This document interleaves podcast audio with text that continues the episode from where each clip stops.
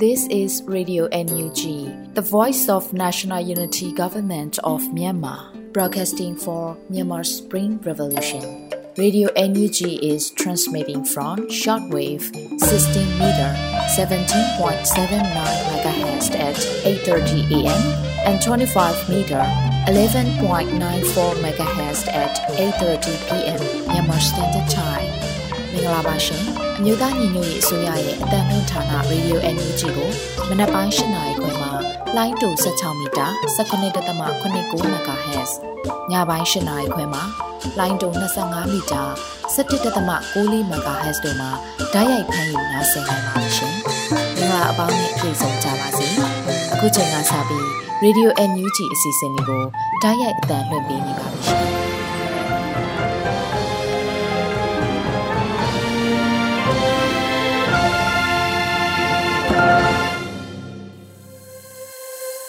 မြန်မာနိုင်ငံသူနိုင်ငံသားပေါင်းတဘာဝပေးဆရာနာရှင်ပေတို့ကနေကင်းဝေးပြီးကိုစိတ်နှစ်ပါးပေးကင်းလုံးကြုံကြပါစေလို့ရေဒီယိုအန်ယူဂျီဖွဲ့သားများကဆုတောင်းမေတ္တာပို့သလိုက်ရပါတယ်။အခုချိန်ကစပြီးကာကွယ်ရေးဝန်ကြီးဌာနရဲ့စီရေးသတင်းချင်းချုပ်ကိုတော့ຫນွေဝလင်ကမှဖတ်ကြားတင်ပြပေးမှာဖြစ်ပါတယ်။ကာကွယ်ဝင်ကြီးဌာနအမျိုးသားညီညွတ်ရေးဆိုရမှထုတ်ဝေတဲ့နေ့စဉ်စည်ရေးသတင်းချင်းချုပ်ကိုတင်ဆက်ပေးတော့မှာဖြစ်ပါတယ်။စစ်ကောင်စီနဲ့တိုက်ပွဲဖြစ်ပွားမှုသတင်းတွေကိုတင်ဆက်ပေးကြပါမယ်။။ စကိုင်းတိုင်းမှာဖေဖော်ဝါရီလ25ရက်နေ့မနက်2နာရီခန့်ကကမ်ဘလူးမြို့နယ်စပယ်နသာကျေးရွာမှာအထိုင်ချထားတဲ့စစ်ကောင်စီတပ်သားနဲ့ပြူစောတိအင်အား150ခန့်ကိုမှန်နီပင်ကျေးရွာနဲ့လွှဲစိတ်ကျေးရွာကြားမှာပြည်သူ့ကာကွယ်တပ်မတော်ကမိုင်းလေးလုံးဆွဲတိုက်ခိုက်ခဲ့ရာကားတစ်စီးပျက်စီးခဲ့ပြီးစစ်ကောင်စီတပ်သား9ဦးသေဆုံးက15ဦးဒဏ်ရာရရှိခဲ့ကြောင်းသိရှိရပါတယ်ခင်ဗျာ။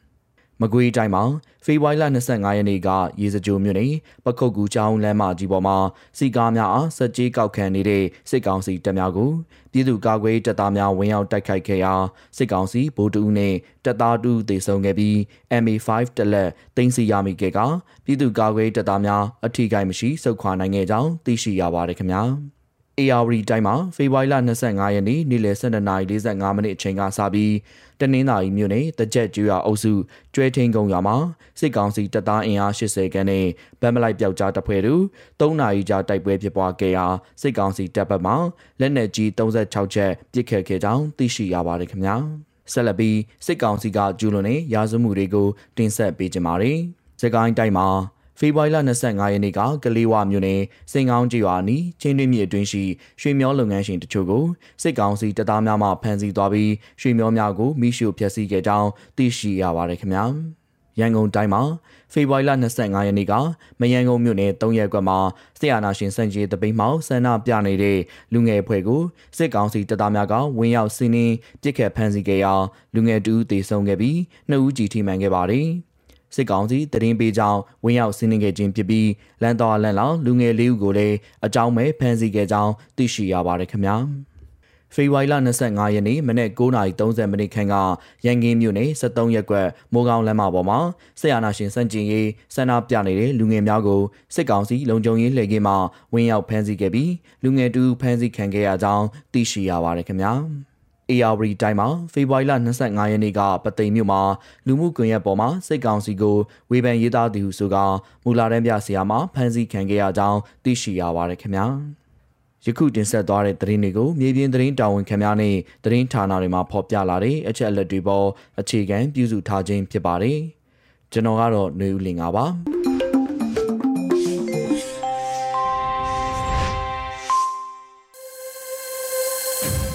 ရေဒီယိုအန်ယူဂျီရဲ့မနက်ခင်းစီစဉ်တွေကိုဆက်လက်တင်ပြနေပါတယ်။အခုဆက်လက်ပြီးနောက်ဆုံးရသတင်းများကိုတော့ຫນွေဦးနှင်းစီမှဖတ်ကြားတင်ပြပေးပါမယ်ရှင်။အခုချိန်မှစပြီးမနက်ခင်းသတင်းများကိုဖတ်ကြားပေးပါတော့မယ်။ဤသတင်းများကိုရေဒီယိုအန်ယူဂျီသတင်းတောင်ခံများနဲ့ခိုင်လုံသောမိဖက်သတင်းရင်းမြစ်များစီမှအခြေခံတင်ပြထားခြင်းဖြစ်ပါတယ်ရှင်။ကျွန်မကတော့ຫນွေဦးနှင်းစီပါရှင်။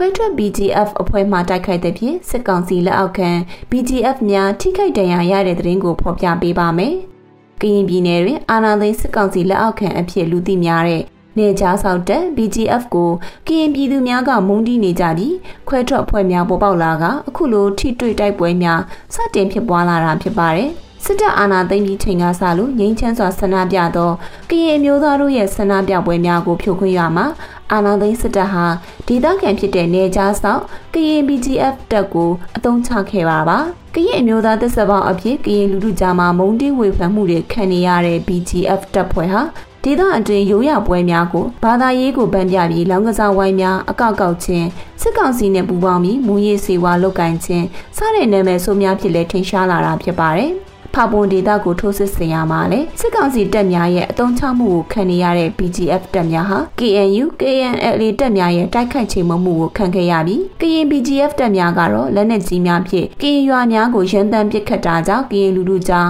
ဒေါသထွက်စရာဖြစ်လာခဲ့ပါတယ်။လက်ရှိအချိန်မှာကရင် BGF တပ်အတွင်းခွဲထွက်တပ်ဖွဲ့များပေါ်ပေါက်နေပြီးခွဲထွက်တပ်ဖွဲ့များရဲ့မကျေနပ်သောတုတ်ပြန်တိုက်ခိုက်မှုတွေဖြစ်လာနေတာပါ။ကရင်ပြည်နယ်ဖအံမြို့နယ်တွင်တပ်သားသစ်စုဆောင်နေသည့် စစ်တပ်လက်အောက်ခံ BGF နဲ့ခွဲထွက် BGF တို့ဖေဖော်ဝါရီလ25ရက်နေ့ညသက်ကောင်12နာရီခန့်အနိကတိုက်ပွဲဖြစ်ပွားခဲ့တယ်လို့သိရပါတယ်။တိုက်ပွဲမှာ BGF တပ်ဖွဲ့ဝင်3ဦးအပြင်းအထန်ဒဏ်ရာရရှိခဲ့ကြောင်းခွဲထွက် BGF ထံမှသိရပါတယ်။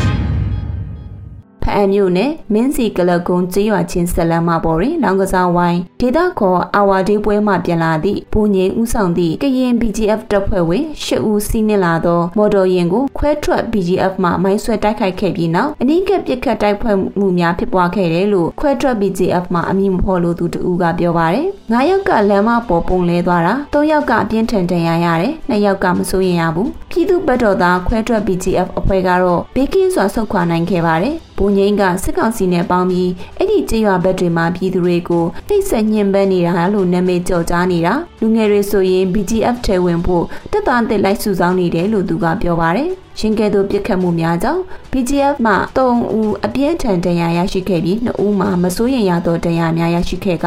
ခွဲထွက် BGF မှတဦးမှဒဏ်ရာရခြင်းမရှိဘဲဘေးကင်းစွာဆုတ်ခွာနိုင်ကြောင်းသိရှိရပါတယ်။ ကရင်ကျေးရွာအချို့တွင် BGF သို့မဝင်ရောက်သည့်လူငယ်များစစ်ကောင်စီအားဆန့်ကျင်သောသူများကိုဗိုလ်ငိမ့်မှတိုင်တန်းသဖြင့်အချို့မှာဖမ်းဆီးခံရတယ်လို့သတင်းများကဆိုပါတယ်။အချို့မှာရွာတွေမနေနိုင်ပဲထွက်ပြေးတိမ်းရှောင်နေရကြောင်းကျေးရွာနယ်မြေတာဝန်ခံများထံမှသိရပါဗျ။ခွဲထွက် BGF အနေဖြင့်ဗိုလ်ငိမ့်၏လုပ်ရများကိုသတိပေးသည့်အနေဖြင့်တိုက်ခိုက်ခဲ့ခြင်းဖြစ်ပြီးထက်မှန်ပြုလုပ်မှုများရှိပါကအသေးပြစ်ခတ်ရှင်းလင်းမှုများပြုလုပ်သွားမယ်လို့လည်းခွဲထွက် BGF မှသတိပေးထားပါတယ်။ တိုက်ပွဲနောက်ပိုင်းမှာစစ်ကောင်စီတပ်ဖွဲ့ဝင်များသည်မင်းစီကလကုန်းကျေးရွာနှင့်အနီးပတ်ဝန်းကျင်ရှိကျေးရွာများတွင်လိုက်လံရှာဖွေစစ်ဆေးမှုများပြုလုပ်နေပြီးလူငယ်များကိုလည်းတန်တရားဖြင့်ဖမ်းဆီးစစ်ဆေးမှုများပြုလုပ်နေသည့်အတွက်မိဘပြည်သူများအနေဖြင့်ခီးသွားလာရာတွင်သတိထားသွားလာကြရန်ခွဲထွက် BGF မှသတိပေးထားပါတယ်ရှင်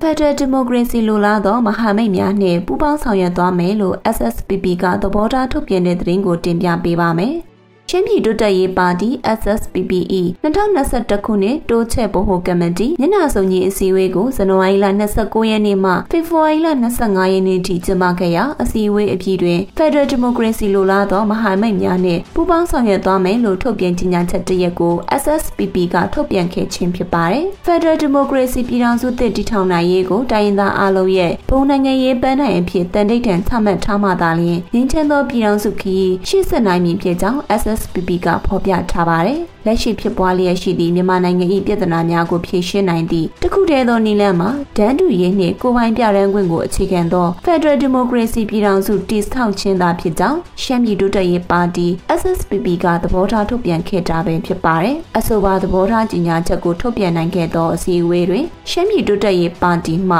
ဗိုလ်ချုပ်ကြီးစေထင်ကတဘာပတိအဖြစ်ဆောင်ရွက်ခဲ့ပြီးအစည်းအဝေးတွင်2021ခုနှစ်အတွင်းဆောင်ရွက်ခဲ့သောလုပ်ငန်းများကိုအကျယ်တဝင့်ပြန်လည်ဆွေးနွေးခဲ့ကြတယ်လို့သိရှိရပါတယ်။နိုင်ငံရေးအရာပုံပန်းတိုင်းဖြစ်တဲ့ Federal Democracy ပြည်ထောင်စုကိုတည်ဆောက်လိုသောမဟာမိတ်တပ်များနှင့်လက်တွဲမယ်လို့အစည်းအဝေးအပြည်ထုတ်ပြန်ထားတဲ့သဘောထားထုတ်ပြန်ချက်မှာပါရှိပါတယ်။ ဆက်လက်ပြီးပြည်တွင်းစီလုံးညီညွတ်ရေးဟာမရှိမဖြစ်လိုအပ်လာပြီးဖြစ်လို့ပြည်ထောင်စုအတွင်းရှိ Federal Democracy ကိုလိုလားသောအင်အားစုများအားလုံးအနေဖြင့်စီလုံးညီညွတ်သောအခြေအနေတရက်ဖြစ်အောင်ကြိုးပမ်းတည်ဆောက်ရမယ်ဖြစ်ကြောင်းကိုလည်းထည့်သွင်းဖော်ပြထားပါတယ်။ SSPP အနေဖြင့်မူရည်စေဝါပပျောက်ကင်းစင်ရေးဒေသဖွံ့ဖြိုးရေးလုပ်ငန်းများကိုစားတက်တပိုးဆက်လက်ဆောင်ရွက်သွားမည်ဟု၍လည်းသဘောထားထုတ်ပြန်ချက်မှာရေးသားပါရှိတာတွေ့ရှိရပါတယ်ရှင်။ ၃ရက်အတွင်းတိုက်ပွဲတွင်စစ်ကောင်စီတပ်ဖွဲ့ဝင်20ဦးသေဆုံးတယ်လို့ KNU ကသတင်းထုတ်ပြန်လိုက်ပါတယ်။ KNU ကရင်အမျိုးသားအစည်းအရုံးမှဖေဖော်ဝါရီလ26ရက်နေ့တရားဝင်သတင်းထုတ်ပြန်ချက်အရလွန်ခဲ့တဲ့တိုက်ပွဲ3ရက်အတွင်းစစ်ကောင်စီဘက်မှ20ဦးသေဆုံးပြီး9ဦးဒဏ်ရာရတဲ့အပြင် ကားခုနှစ်စီးပျက်စီးသွားတယ်လို့သိရှိရပါတယ်။ဖေဖော်ဝါရီလ23ရက်နေ့ညနေပိုင်းကလက်နက်ခဲယမ်းနဲ့ရိတ်ခါများတင်ဆောင်လာသောစစ်ကောင်စီရင်နှန်းကို KNU တထုံခရိုင်တပ်မဟာ1 KNLA တရင်တစ်တပ်ဖွဲ့များမှတထုံခရိုင်ဖအံမြို့နယ်ဝဘိုးတော်ကမမောင်လမ်းမတလျှောက်၄ချိန်မိုင်းဆွဲတိုက်ခိုက်ခဲ့ကြောင်းဖေဖော်ဝါရီလ23ရက်နေ့ထိတွေ့မှု၄ချိန်အနက်၃ချိန်မှာထိခိုက်ဒေဆုံးမှုကိုမသိရဘဲညနေ9နာရီဝန်းကျင်တိုင်းထိတွေ့မှုတွင်စစ်ကောင်စီဘက်မှတက်ခွဲမှုအဆင့်ရှိသူတအူအပါအဝင်3ဦးသေကြောင်းသတင်းထုတ်ပြန်ထားပါတယ်။ဒါအပြင်ကားနှစ်စီးပျက်စီးသွားတယ်လို့လည်းမြေပြင်သတင်းပေးမှုအရ KNU ကသတင်းထုတ်ပြန်ထားပါတယ်။ဖေဖော်ဝါရီလ24ရက်နေ့ကလည်း KNLA တရင်တစ်တပ်ဖွဲ့များနဲ့စစ်ကောင်စီတပ်များကြားမိုင်းဆွဲပစ်ခတ်တိုက်ခတ်မှု9ကြိမ်ထက်မနည်းရှိခဲ့ပြီးစစ်ကောင်စီဘက်မှပိုအဆင့်ရှိသူတဦးအပါအဝင်10ဦးသေဆုံးကကား၄စီးပျက်စီးပြီး9ဦးထိခိုက်ဒဏ်ရာရရှိကြောင်းသိရပါတယ်။ဖေဖော်ဝါရီလ25ရက်နေ့ကလည်း KNLA တပ်မဟာ1တရင်တစ်နယ်မြေအတွင်းစစ်ကောင်စီတပ်များနှင့် KNLA တပ်များထိတွေ့မှုနှစ်ကြိမ်ထပ်မံဖြစ်ပွားခဲ့ပြီးစစ်ကောင်စီဘက်မှ9ဦးသေဆုံးကတဦးဒဏ်ရာရရှိပြီးကားတစ်စီးပျက်စီးခဲ့ကြောင်းမြေပြင်တပ်ဖွဲ့များမှသိရပါတယ်။ဖေဖော်ဝါရီလ23 24နဲ့25ရက်နေ့3ရက်အတွင်း KNU တထုံခရိုင်ဖအံမြို့နယ်အတွင်း KNLA တရင်တစ်တပ်ဖွဲ့ဝင်များနဲ့အာနာသိန်းစစ်ကောင်စီတပ်ဖွဲ့များကြားမိုင်းဆွဲတိုက်ခိုက်မှုထိတွေ့ပစ်ခတ်မှု10ကြိမ်ထက်မနည်းရှိခဲ့ပြီးစစ်ကောင်စီတပ်ဖွဲ့ဝင်20ဦးသေဆုံးက10ဦးဒဏ်ရာရရှိပြီးကား9စီးပျက်စီးသွားက KNLA ဘက်မှထိခိုက်မှုမရှိဟုသတင်းထုတ်ပြန်ထားတာတွေ့ရှိရပါတယ်ရှင်။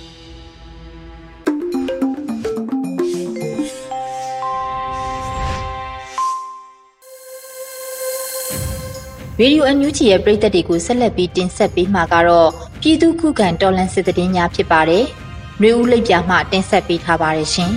။ပထမဆုံးတင်ဆက်မှာကတော့ စိုက်ထုံအင်္ဂဘိုတွင်စစ်ကောင်စီရင်နှန်းတိုက်ခိုက်ခံရပြီးစစ်သားထိခိုက်ဒေဆုံးမှုရှိတဲ့တဲ့ရင်မှာ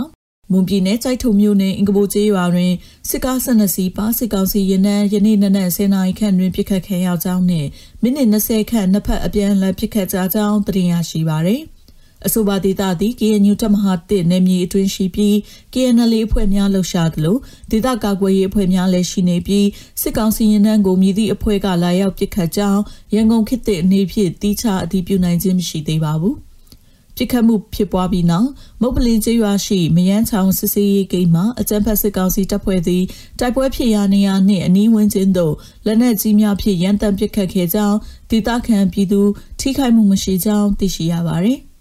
ဆက်လက်ပြီး KM မြို့ဖျားပြိုရဲစခန်းကို40မီလီမီတာဘုံသေးလက်နဲ့ပစ်ခတ်ရပြီးရန်ကုန်တိုင်းမြို့နယ်များတွင်ဘုံများဇက်တိုက်ပောက်ကွဲတဲ့သတင်းတင်ဆက်ပါမယ်။ရန်ကုန်တိုင်း KM မြို့နယ်ဖျားပြိုရဲစခန်းကိုယနေ့ည8:40မိနစ်အချိန်က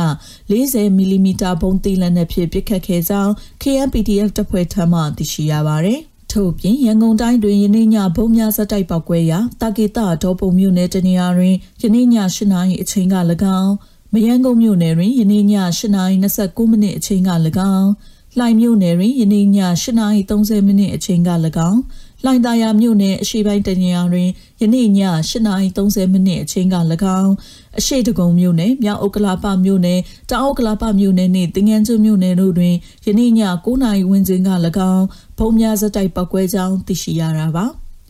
အလားတူယနေ့ညနေ6:15မိနစ် ဒေါပုံမြို့နယ်မြို့သစ်ရက်ကွက်မင်းနနာလန်းရှိမြို့နယ်ပြည်တွင်အခုဦးစီးမှုရုံးဝင်အတွင်ပုံပေါက်ကွဲခဲ့ပြီးတကုံမြို့သစ်တောင်ပိုင်း87ရက်ကွက်မင်းရဲ့ကျော်စွာ6လမ်းရှိနေအိမ်တလုံးတွင်လည်းပြစ်ခတ်မှုဖြစ်ပွားကြောင်းသိရှိရပါတယ်။ရေစကြိုတွင်စီကားများကိုဆက်ကြီးကောက်နေသောစစ်တပ်ကို PDF ကဝင်တိုက်လို့စစ်ဗိုလ်တအူးနဲ့စစ်သားတအူးသေဆုံးပြီးတနက်လက်တလက်တင်စီရမိတဲ့သတင်းတင်ဆက်မှာပါ။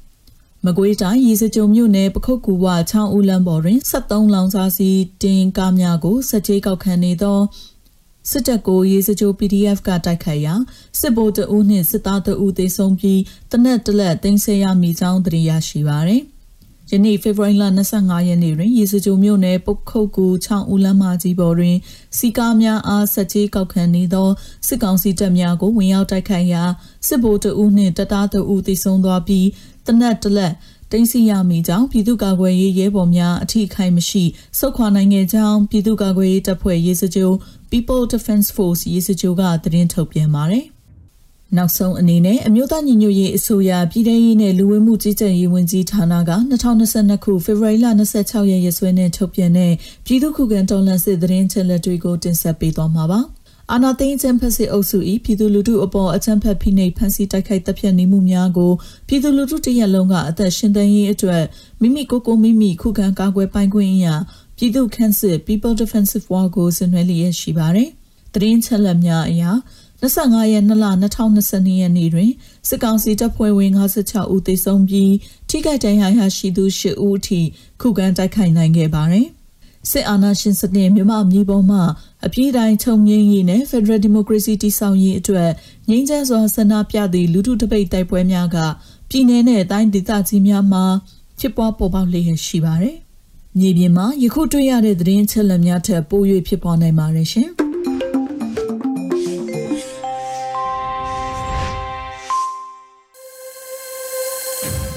အခုဆက်လက်ပြီး PPTV ရဲ့နေ့စဉ်သတင်းများကိုတော့ထက်ထက်အင်ဒရာအောင်မှတင်ဆက်ပေးမှာဖြစ်ပါတယ်ရှင်။ပထမဆုံးတင်ဆက်ပေးမှာကတော့ပြည်တော်စုလွှတ်တော်ကိုစားပြုကော်မတီနဲ့နိုင်ငံတကာပါလီမန်များအဖွဲ့ IPU တို့တွေ့ဆုံဆွေးနွေးမှုပြုလုပ်ခဲ့တဲ့ဆိုတဲ့သတင်းမှာပြည်ထောင်စုလွှတ်တော်ကိုစားပြုကော်မတီ CRPH နဲ့နိုင်ငံတကာပါလီမန်များအဖွဲ့တို့ကြားတွေ့ဆုံဆွေးနွေးမှုကိုဖေဖော်ဝါရီလ25ရက်နေ့မနေ့ကပြုလုပ်ခဲ့ပါတယ်။ တွေ့ဆုံပွဲမှာပြည်ထောင်စုလွှတ်တော်ကိုစားပြုကော်မတီကိုအကူအညီပေးနိုင်ရေးအစီအစဉ်တွေနဲ့ပတ်သက်ပြီးတော့အဓိကထားပြီးဆွေးနွေးခဲ့ကြတယ်လို့ဆိုပါတယ်။နိုင်ငံတကာပါလီမန်များအဖွဲ့ IPU ကပံ့ပိုးမဲ့အကူအညီပေးရေးအစီအစဉ်အရပြည်ထောင်စုလွှတ်တော်ကိုစားပြုကော်မတီနဲ့လုပ်ငန်းတွေကော်မတီရဲ့လုပ်ငန်းဆောင်ရွက်မှုအခြေအနေဖွံ့ဖြိုးတိုးတက်စေရန်တို့အတွက်ဆွေးနွေးခဲ့ကြပါတယ်။ ဒါအပြင်နိုင်ငံတကာဆက်ဆံရေးမှာနိုင်ငံတကာပါလီမန်တွေအဖွဲ့အစည်းတွေနဲ့ချိတ်ဆက်ဆောင်ရွက်မှုဆိုင်ရာပုံမထိရောက်စေမဲ့ CRPH အဖွဲ့ဝင်တွေကော်မတီဝင်တွေနဲ့ဝန်ထမ်းတွေအတွက်ဆက်သွယ်ဆက်ဆံရေးဆိုင်ရာစွမ်းရည်နဲ့အရေးအသွေးဖွံ့ဖြိုးတိုးတက်ရေးကဏ္ဍ website မြင့်တင်ရေးစိုက်ဘာလုံခြုံရေးကဏ္ဍအသိပညာပေးတာပါဝင်သတင်းချက်လက်နည်းပညာဖွံ့ဖြိုးတိုးတက်ရေးကဏ္ဍတို့ကိုဆွေးနွေးသဘောတူညီခဲ့တယ်လို့ထုတ်ပြန်ချက်မှာဖော်ပြထားပါတယ်။ အင်ဒိုနီးရှားနိုင်ငံမှာကျင်းပမယ်144ချိန်မြောက် IPU အထွေထွေညီလာခံနဲ့ဆက်ဆက်အစည်းအဝေးတွေကိုတက်ရောက်ရင်းနဲ့ဆက်လင်းပြီးတော့လဲဆွေးနွေးခဲ့ကြတယ်လို့သိရပါတယ်။အစည်းအဝေးကိုတော့ပြည်အောင်စုလွှတ်တော်ကိုစားပြုကော်မတီမှဥက္ကဋ္ဌဦးအောင်ကြည်ညွန့်သတင်းနဲ့ပြန်ကြားရေးကော်မတီဥက္ကဋ္ဌဒေါက်တာဝေဖြိုးအောင်နိုင်ငံတကာဆက်ဆံရေးကော်မတီဥက္ကဋ္ဌဒေါ်မြက်တီရာထွန်းနဲ့ကော်မတီဝင်တွေတက်ရောက်ခဲ့ပြီးတော့နိုင်ငံတကာပါလီမန်များအဖွဲ့ IPU မှ Technical Cooperation Programming ရဲ့ Manager Miss Nura Babit နဲ့ ကျွမ်းကျင်သူမစ္စတာအလက်စပရီတို့တက်ရောက်ခဲ့ကြတယ်လို့သတင်းထုတ်ပြန်ချက်မှာဖော်ပြထားပါတယ်။ဆက်လက်တင်ဆက်ပေးမှာကတော့ယူကရိန်းနိုင်ငံနဲ့ပြည်သူတွေအပေါ်ဆင်နွှဲနေတဲ့စစ်ပွဲကိုရှုံချကြောင်းအမျိုးသားညီညွတ်ရေးအစိုးရကြေညာချက်ထုတ်ပြန်နေဆိုတဲ့သတင်းမှာရုရှားနိုင်ငံကယူကရိန်းနိုင်ငံနဲ့ပြည်သူတွေအပေါ်ကိုဆင်နွှဲနေတဲ့စစ်ပွဲကိုရှုံချရဲဆိုပြီးတော့အမျိုးသားညီညွတ်ရေးအစိုးရနိုင်ငံခြားရေးဝန်ကြီးဌာနကဖေဖော်ဝါရီလ25ရက်ရက်စွဲနဲ့သတင်းထုတ်ပြန်လိုက်ပါတယ်။ ထုတ်ပြန်ချက်မှာပြည်ထောင်စုသမ္မတမြန်မာနိုင်ငံတော်အမျိုးသားညီညွတ်ရေးအစိုးရကယူကရိန်းနဲ့၎င်းရဲ့ပြည်သူတွေအပေါ်ဆင်နွှဲလာတဲ့စစ်ပွဲကိုရှုံချရဲဆိုတာနဲ့ ရင်းလို့ရက်တွေကကုလသမဂ္ဂဗြိညန်စာတမ်းနဲ့နိုင်ငံတကာဥပဒေတွေကိုထင်ရှားစွာချိုးဖောက်နေတယ်လို့ဆိုပါတယ်။ယူကရိန်းနိုင်ငံအပေါ်ကြောက်မက်ဖွယ်ရာပြင်းထန်တဲ့တိုက်ခိုက်မှုတွေကလေကြောင်းကုန်းမြေနဲ့ရေကြောင်းတို့ကလှုပ်ဆောင်နေပြီးတော့အဆိုပါတိုက်ခိုက်မှုတွေကြောင့်အသက်ဆုံးရှုံးမှုများဖြစ်ပွားခဲ့ပြီးထောင်နဲ့ချီတဲ့အရက်သားတွေ၎င်းတို့ရဲ့နေအိမ်တွေကနေဆွန့်ခွာစေခဲ့တယ်လို့ဖော်ပြထားပါတယ်။ ယူကရိန်းရဲ့နယ်နိမိတ်တည်တံ့ခိုင်မြဲမှုလွတ်လပ်မှုနဲ့အချုပ်အခြာအာဏာတို့ကိုလေးစားဖို့အတွက်လည်းအမျိုးသားညီညွတ်ရေးအစိုးရကထုတ်ပြန်ထားတဲ့အထက်မှာဖော်ပြထားတာကိုတွေ့ရပါတယ်။ အချုပ်အခြာပိုင်းနိုင်ငံတစ်ခုကိုကျူးကျော်တာကကုလသမဂ္ဂဗြိညံပါပြဋ္ဌာန်းချက်တွေကိုချိုးဖောက်ခြင်းဖြစ်ပြီးတော့21ရာစုကမ္ဘာအတွက်ကောင်းမွန်တဲ့နမူနာတရက်မဟုတ်ဘူးဆိုတာနဲ့ကမ္ဘာငြိမ်းချမ်းရေးလုံခြုံရေးနဲ့လူသားဖွံ့ဖြိုးတိုးတက်မှုကိုကြီးစွာသောအဟန့်အတားဖြစ်စေတဲ့ဆိုတာနဲ့မြန်မာနိုင်ငံကယူကရိန်းပြည်သူတွေနဲ့စီလုံးညီညွတ်စွာယက်တိနေရဆိုပြီးတော့ထုတ်ပြန်ချက်မှာဖော်ပြထားပါတယ်။ ဆက်လက်တင်ဆက်ပေးမှာကတော့အကြမ်းဖက်စစ်ကောင်စီကိုကုလသမဂ္ဂညီလာခံမှာဆက်ကျင်ခဲ့တာတစ်နှစ်ပြည့်အဖြစ်ဥကြုံမှုထွန်းကိုနယူးယောက်ကမြန်မာတွေကဂုံပြူခဲ့ကြတဲ့ဆိုတဲ့သတင်းမှာအကြမ်းဖက်စစ်ကောင်စီကိုကုလသမဂ္ဂညီလာခံမှာတာမတ်ကြီးဦးကျော်မိုးထွန်းစန့်ကျင်ခဲ့တာတစ်နှစ်ပြည့်အဖြစ်နဲ့နယူးယောက်ကမြန်မာတွေကတာမတ်ကြီးဦးကျော်မိုးထွန်းရဲ့ရုံးရှိကိုတွားရောက်ပြီးတော့ဒီကနေ့မှာဂုဏ်ပြုခဲ့ကြပါတယ်။အကြမ်းဖက်စစ်ကောင်စီကပြည်သူအာဏာကိုမတရားလူယူခဲ့ပြီးတဲ့နောက် ပြီးခဲ့တဲ့နှစ်ဒီနေ့မှာပြုလုပ်ခဲ့တဲ့ကုလသမဂ္ဂအစည်းအဝေးမှာတာမတ်ကြီးဦးကျော်မိုးထွန်းကအစည်းအဝေးအတွင်းလက်သုံးချောင်းထောင်ပြီးတော့အာဏာသိမ်းမှုကိုကမ္ဘာအလယ်မှာကန့်ကွက်ခဲ့တာလည်းဖြစ်ပါတယ်။လူမှုကွန်ရက်တွေမှာလည်းတန်အမတ်ကြီးရဲ့လက်သုံးချောင်းထောက်ပြီးတော့ကဘာအလယ်မှာအကြမ်းဖက်စေအုပ်စုကိုကန့်ကွက်တဲ့နေ့ဆိုပြီးတော့လည်းမျှဝေမှုတွေလုပ်နေတာကိုတွေ့ရပါတယ်။ နယူးယောက်ကမြန်မာတွေကတော့တန်မတ်ကြီးရဲ့ရုံးခန်းကိုတွားရောက်ပြီးကျေးဇူးတင်ဂုဏ်ပြုစာတွေပေးရခဲ့ကြသလိုတန်မတ်ကြီးကလည်းရင်းရင်းနှီးနှီးတွေ့ဆုံပြီးဓာတ်ပုံရိုက်တာတွေပြုလုပ်ခဲ့ပါတယ်။ စီလုံးချင်းကအင်အားပြည်သူသာအဓိကဖြစ်တဲ့အတွက်အကြမ်းဖက်ဆရာနာရှင်အမြင့်ပြည့်ရေးပြည်သူအင်အားပြည်သူစီလုံးမှုနဲ့ဆက်လက်ဆောင်ရွက်သွားကြဖို့အတွက်လဲတမ္မကြီးဦးကျော်မိုးထွန်းကမြစ်တာရက်ခံပြောကြားခဲ့တယ်လို့ဆိုပါတယ်။တမ္မကြီးဦးကျော်မိုးထွန်းကအာနာသိန်းလုပ်ရက်ကိုနိုင်ငံတကာစာမျက်နှာမှာလူသိရှင်ကြားအဖြစ်နဲ့ကန့်ကွက်ခဲ့တဲ့ပထမဦးဆုံးလို့လဲမှတ်ချက်ပြုထားခဲ့ကြတာဖြစ်ပါတယ်။ ဆက်လက်ပြီးအကြံဘတ်စစ်ကောင်စီကဒုတိယဗိုလ်မှူးကြီး3ဦး CDN ပြုတ်လုပ်ပြီး2ဦးကတော်လှန်ရေးအဖွဲ့အစည်းတွေနဲ့အဆက်အသွယ်ပြုတ်လုပ်ပြီးတော့တဦးကဇက်မြုပ်နေတဲ့ဆိုတဲ့သတင်းကိုတင်ဆက်ပေးပါမယ်။အကြံဘတ်စစ်ကောင်စီရဲ့တပ်ကဒုတိယဗိုလ်မှူးကြီး3ဦးဟာ CDN ပြုတ်လုပ်ပြီးတော့ပြည်သူရင်ဝင်စီကိုခေါ်လုံလာပြီးနောက်ထပ်ပြုတ်လုပ်မဲ့သူတွေလည်းအကြံဘတ်စစ်တပ်အတွင်းမှာအများပြားရှိနေတယ်လို့ပြည်သူစစ်သားအဖွဲ့ခေါင်းဆောင်တဦးဖြစ်တဲ့ဗိုလ်ကြီးညီတူတာကပြောပါတယ်။ စီရီယန်ပြုတ်လုလာတဲ့ဒုတိယဗိုလ်မှူးကြီး၃အနက်မှာနှစ်ဦးကတော့အဆက်အသွယ်လှုပ်လာပြီးကျန်တဲ့တဦးကတော့ဘယ်အဖွဲ့ကမှမဆက်သွယ်ဘဲနဲ့ဇက်မြုပ်နေထိုင်နေတယ်လို့ဆိုပါတယ်။စီရီယန်ဒုတိယဗိုလ်မှူးကြီး2ဦးပြည်သူ့ဘက်ရက်တီလာပါပြီ။မင်းအောင်လိုင်းအတွက်တော့အိမ်မက်ဆိုးပါပဲ။စရင်အရာတော့စီရီယန်ဒုတိယဗိုလ်မှူးကြီး3ဦးပါ။တဦးကတော့ဘယ်အဖွဲ့ကမှမဆက်သွယ်ဘဲဇက်မြုပ်နေတာပါလို့ပြည်သူ့စစ်သားအဖွဲ့ခေါင်းဆောင်တဦးဖြစ်တဲ့ဗိုလ်ကြီးညီတူတာကသတင်းထုတ်ပြန်လိုက်တာပါ။ ဆက်သွယ်လာတဲ့နှစ်ဦးတွေကတဦးကကြီးတဲ့ရဲ့တမှုတဦးဖြစ်ပြီးတော့ နောက်တဦးကတော့ကြီးတက်ကမဟုတ်ဘူးလို့မှတ်ချက်ပြုထားပါတယ်။ဒါဟာအကြမ်းဖက်စစ်တပ်ကနေပြီးတော့ CDM ပြစ်လို့လာတဲ့သူတွေက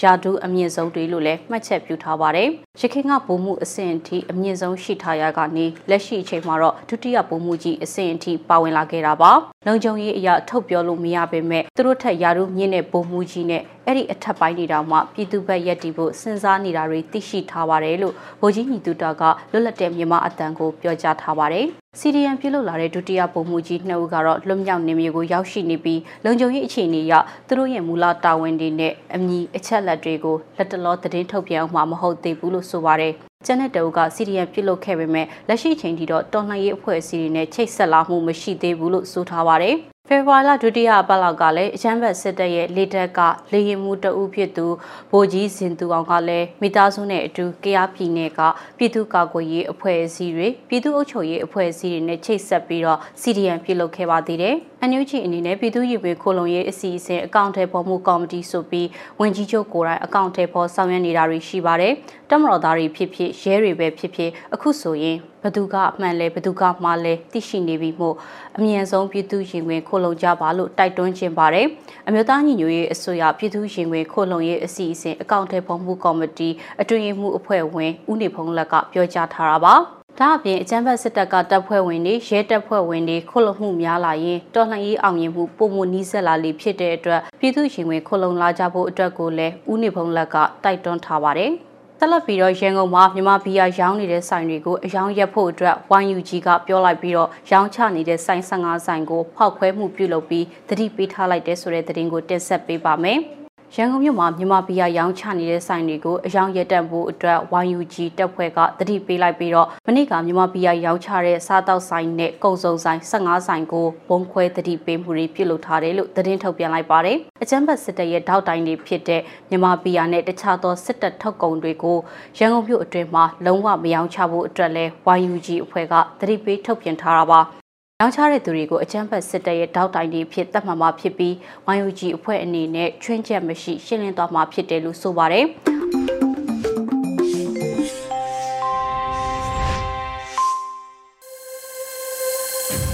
အခုဆက်လက်ပြီးတိုင်းရင်းသားဘာသာအစီအစဉ်အနေနဲ့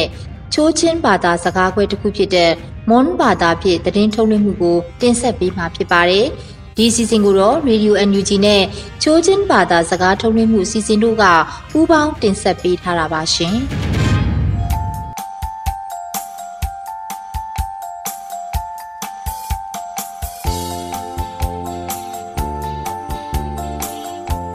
အယူဂျီကျူရီဒီယိုအမလာနမြငိုင်လောက်ကျနုပါဖိနာတူနမနိုင်နော်အတူငွေခုကုမ်ဖရမ်ကူလမ်ကူလီရီဖေဘရင်ကောချာငူလက်ခရင်ဟမ်ခုကရုံကထူရီမိငိုင်ဘာဘခင်ရောဘာကနီ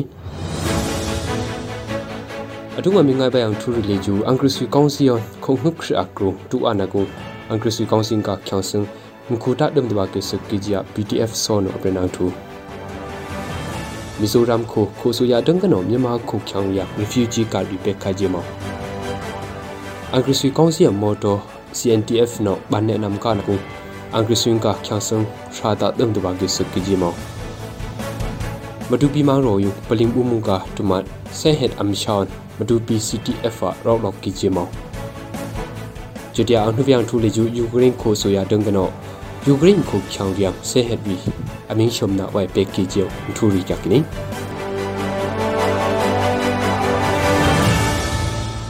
ချိုခွာဘူးနနေလောက်ကအင်္ဂရိစီကောင်စီမော်တော်ရှလိခရဂုံကအင်္ဂရိစီကောင်စီချန်ဆန်ဖြာရီတာဒမ်ဒဘာကီလာ PTF ဆောခုံခုခရအကရုံဒူအာနာအုံးနေ အကျုံလေကျူချန်ဆန်အင်္ဂရိစီယုံကငကူလီအလောက်စကကြကီဂျာငေါချမ်ကူလီဖန်ဟု PTF ဆောဒန်ကနောပရက်ကီနီအရှိနာမင်းတူအာနာဂုံလေကျူအမှုထုံလကုံပင်းပင်းငန်ကာတူနာအုံးနေအင်္ဂရိစီကောင်စင်ကချန်ဆန်ကူလီအတ်အစဖီကြကီနီအရှိနာဒုအာနာဂုံလေကျူ PTF ဆော CTF Kambale CNE ka ang bumrian atunga amingka kya KGP PTF sodong kano pritkini ang krisui council le jo khokhola makui khunu ang lakung op kya khoriyu khyasung akdam jion khok changri khana yuk kana waya athom si apong lona om muya ajun yung le ju YTF PTF la CTF CNE ang bumrian athom si aming tu ana okini judia om khunong ne မီဇိုရမ်ခိုရော့ကျာမြန်မာခိုချန်ချာဆုံဖြောက်ပလိကိပလေရီလာငုလိကမာလီဂျူအိန္ဒိယခိုမီဇိုရမ်ခိုဆူယာဒန်ကနော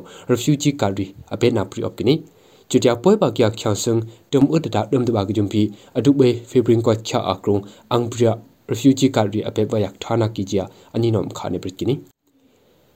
ကျူတျာချိုခိုဖလာမောင်ရောအိကအော်ရီလာဆေဟန်ရီအမ်ရှာပေဘာခါယာပေါင်ဂီယာအန်ကရစီကောင်စီယာမော်ဒိုထုံကိပ thlau li ju ferbing ko cham kulik phing hum CNTF dang kano lampa cheng kano ban ne anam ka gni ashina angri si kong zila CNTF ang la kung le ju ashina flam mang ro thin shu sakhan pi ro ang edung angri si kong si ri ju CNTF dang kano ban ne anam ka na kung khyang sung sha thau sak ji phi chin national organization CNO no ferbing ko cham kulik phang hum kho kho bon abrina op gni angri si kong si ri le ju khyo khu flam mang ro op kia khala ya cha ri la krukip lik khridam ik o wa yak sang ri la se het ngchung kha na ri abet na waya phalam la kali lam li ju athom se achung na omne ajuna lam yung li ju CTF la CNTF CNO angbum ri la angri si kong siang la gung athom se ngtu ana opkini ကျတဲ့ခုခုမတူပီပလင်ဘူမုန်ကထက်ဝီစော်လေးကျူပရိပရိကဖေဘရင်ကချမ်ကုလိကထုံဟုံဆဲဟက်တိုမာတို CTF မတူပီရော့လော့ကီဂျာ CTF မတူပီနော်ပရိကိနီအရှိနာမတူပီပလင်ဘူမုန်က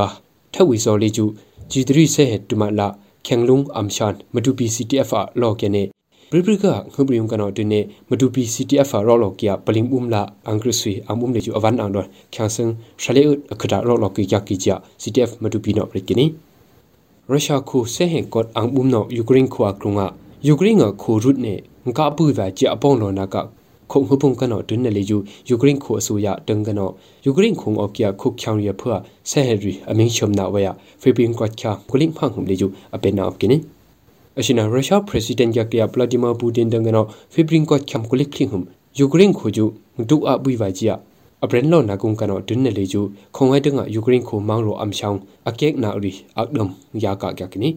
အရှင်နာရုရှားဒန်ကနုံတူအဘူဝဲအပေါင်းလောပွေဖော်လေကျူယူကရိန်းခိုအကရောကခုတ်ချောင်ရီအမေဗန်လာအဟိခိုရောယာကယူကရိန်းခုတ်ချောင်ရီဂျုံပီမဒခုံလေရွှွန်ဝါဂျီယာအမေခိုစစ်ပါဦးနဲ့ဆဲကောဝါဂျီယာအမေပေါင်းလောနာငငမ်တီဒရီနဲ့အတုငွယ်ခုတ်ကရုံထူရီမင်းငါလီကျူအရှင်မန်ကကိုင်နီအတုငွယ်ဖောင်ထူနီမြငိုင်လောက်ကီယာမြန်မာခုတ်ကရုံအော့ကီယာကျိုဇက်ချောင်ရီလာ မြန်မာခုတ်ချောင်ဝန်အယုတီစိနာအင်အိုင်နာရီအယောမိုက်ဆိုကြရှင်ကနောနင်းအတိုင်ရူတူပေရူနေနေဝန်ဒိုင်နံပါတ်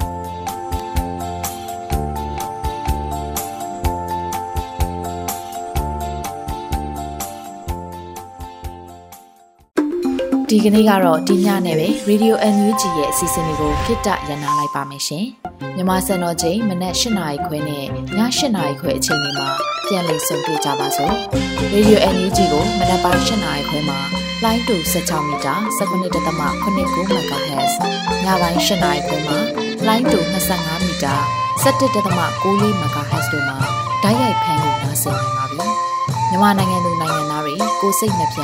ကျန်းမာချမ်းသာလို့ဘေးကင်းလုံခြုံကြပါစေလို့ Radio NUG အဖွဲ့သူဖွဲ့သားတွေကဆုတောင်းမြတ်တာပို့ထားပါတယ်ရှင်။